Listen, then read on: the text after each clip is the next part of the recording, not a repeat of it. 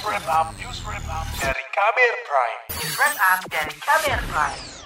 Kejaksaan Agung telah melimpahkan berkas perkara pelanggaran HAM berat Paniai, Papua pada pertengahan Juni lalu.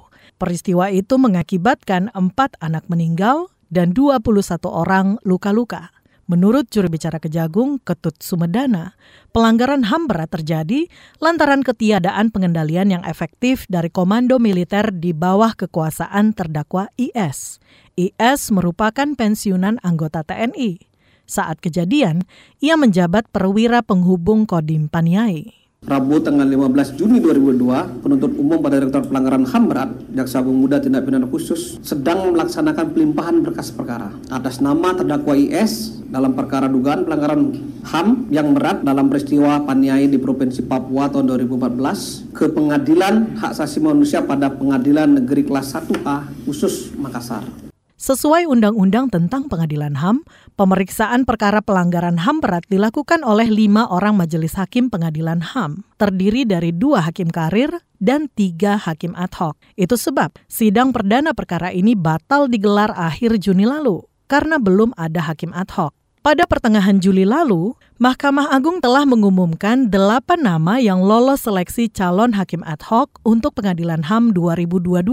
Delapan nama itu dibagi menjadi dua, yakni untuk Hakim Pengadilan HAM tingkat banding dan tingkat pertama. Pendamping keluarga korban kasus pelanggaran HAM berat Paniai, Yones Dow, merespon rencana persidangan tersebut. Ia menyampaikan sejumlah harapan kepada pemerintah, Kejaksaan Agung, dan Komnas HAM. Kami keluarga korban luka-luka kasus pelanggaran HAM berat Paniai tidak menolak pengadilan eh, tidak menolak pelanggaran HAM berat digelar di Makassar. Yang kedua, kami keluarga empat korban dan luka-luka pelanggaran HAM berat Paniai dengan tegas menolak Kejaksaan Agung RI menetapkan hanya satu tersangka IS Purnawirawan TNI karena tidak sesuai undang-undang pengadilan HAM berat dan fakta lapangan. Yones menegaskan Keluarga korban tidak akan mendampingi dan menyaksikan proses persidangan karena tersangka hanya satu orang. Pihaknya mendesak seluruh pihak yang terlibat untuk diadili. Selain itu, ia juga menyesalkan upaya atau rencana perlindungan terhadap saksi dan korban baru muncul ketika delapan tahun kasus sudah terjadi, bukan sejak terjadi peristiwa. LSM Komisi untuk Orang Hilang dan Korban Tindak Kekerasan Kontras juga mengkritik proses penyidikan yang dilakukan Kejaksaan Agung. Koordinator Kontras, Fatia Maulidianti yang di mana pada akhirnya pelanggaran HAM berat ini malah terkesan seperti pidana biasa gitu. Di mana hanya ada satu orang sebagai sekaligus sebagai otaknya dan sekaligus sebagai aktor lapangan gitu yang bertanggung jawab atas sebuah pelanggaran HAM berat. Fatia menambahkan, Indonesia punya tiga proses pengadilan HAM di era sebelumnya. Menurutnya, tiga persidangan tersebut bisa dijadikan bahan evaluasi kegagalan dan perbaikan pemerintah.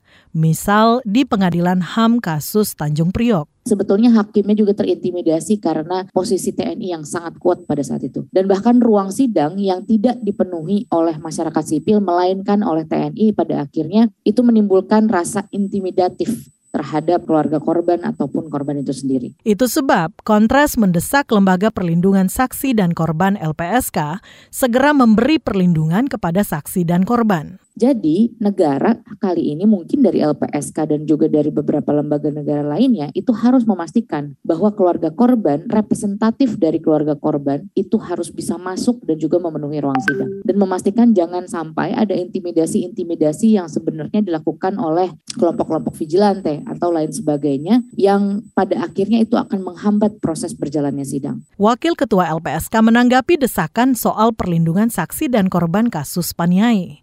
Wakil Ketua LPSK Manegar Nasution mengakui hingga kini belum ada permohonan perlindungan yang diajukan terkait peristiwa Paniai. Soal kesediaan saksi dan atau korban mengajukan permohonan perlindungan agar dapat diberikan perlindungan oleh LPSK. Saya kira ini penting kita diskusikan. Eh, kerjasama sih tetap akan kita lakukan dengan JPU tentu kita akan kerjasama dengan Komnas HAM kita akan koordinasi dan seterusnya termasuk soal kerjasama dengan kuasa kuasa hukum, pendamping dan seterusnya keluarga ya. Saya kira ini yang sangat krusial yang harus kita uh, carikan uh, LPSK sedang mendiskusikan ini. Sementara itu, Komnas HAM berjanji bakal terus memantau persidangan kasus pelanggaran HAM berat Paniai di Makassar.